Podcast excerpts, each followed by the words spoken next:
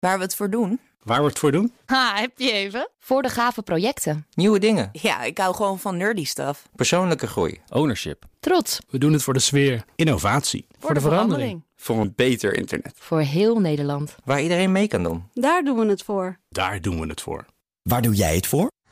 Kom werken voor KPN en groei op jouw manier. Check de actuele vacatures op het gebied van data, security, development en networking op jobs.kpn.com/tech. Wetenschap vandaag. Om overmatig zweet tegen te gaan kan je antitranspirant gebruiken. Alleen over hoe ongezond of gezond dat soort middelen zijn, daar is niet iedereen het over eens. En nu denken onderzoekers ook iets beters gevonden te hebben, namelijk ons eigen zweet. Carlijn Meinders, ehm, dat klinkt helemaal niet lekker.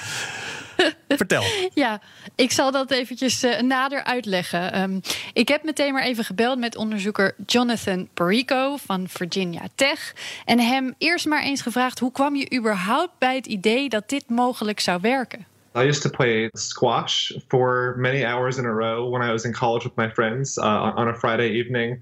And we would play squash for so many hours that by the time we were finished, my entire face was crusted over in these salty flakes from all of the sweat that had evaporated off my skin. Uh, and so that was my first observation was just how sticky the minerals from sweat could be after all the water content had evaporated. Uh, and then my second observation was um, I've, I've been doing lots of research on frost and trying to understand how frost grows and to make anti-frosting surfaces. And something that I observed was if you put a frozen ice droplet right next to a liquid water droplet, the ice droplet is actually able to cause the water droplet to evaporate. Oké, sport en ijs als inspiratie, Carlijn. Ja, opgedroogd zweet van het sporten en de manier waarop een ijsdruppeltje een waterdruppeltje kan laten verdampen, omdat zo'n ijsdruppeltje dan wateraantrekkend is.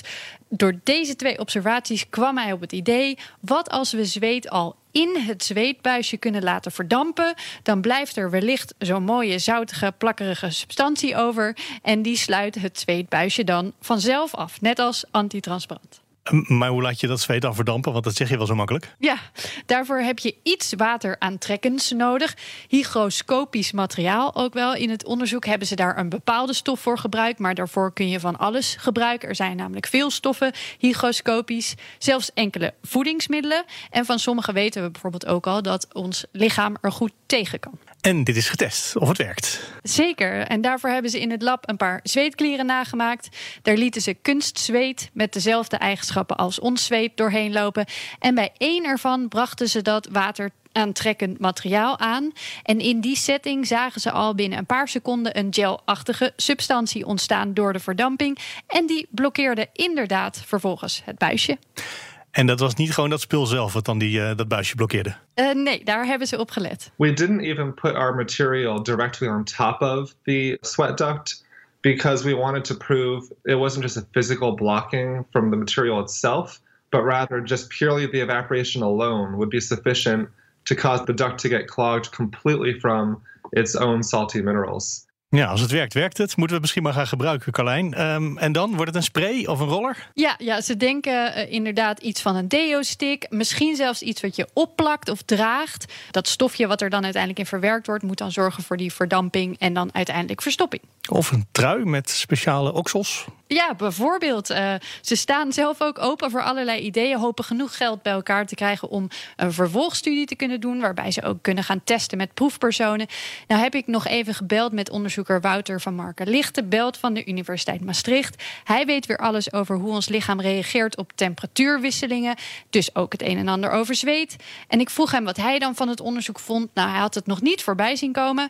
Uh, maar vroeg zich wel af hoe hard het eigenlijk nodig was om dit te maken. Omdat toch nooit heel stevig is aangetoond dat die, de stoffen in antitranspirant die er nu zijn, echt heel slecht zijn voor ons uh, lichaam. Uh, hij zei ook, tenzij je een ziekte hebt waarbij je echt overmatig zweet, is het ook maar de vraag hoe goed het is om dan heel vaak die zweetbuisjes te blokkeren. Maar voor mensen die er echt last van hebben, of mensen die iets natuurlijkers zoeken dan wat er nu in producten zit, zou dit wel eens heel mooi kunnen zijn. Carlijn, dankjewel. Ook Thomas van Zeil vind je in de BNR-app. Je kunt live naar mij luisteren in Zaken doen. De BNR-app met breaking news, het laatste zakelijke nieuws... en je vindt er alle BNR-podcasts, bijvoorbeeld Het Nieuwe Geld. Download nu de gratis BNR-app en blijf scherp.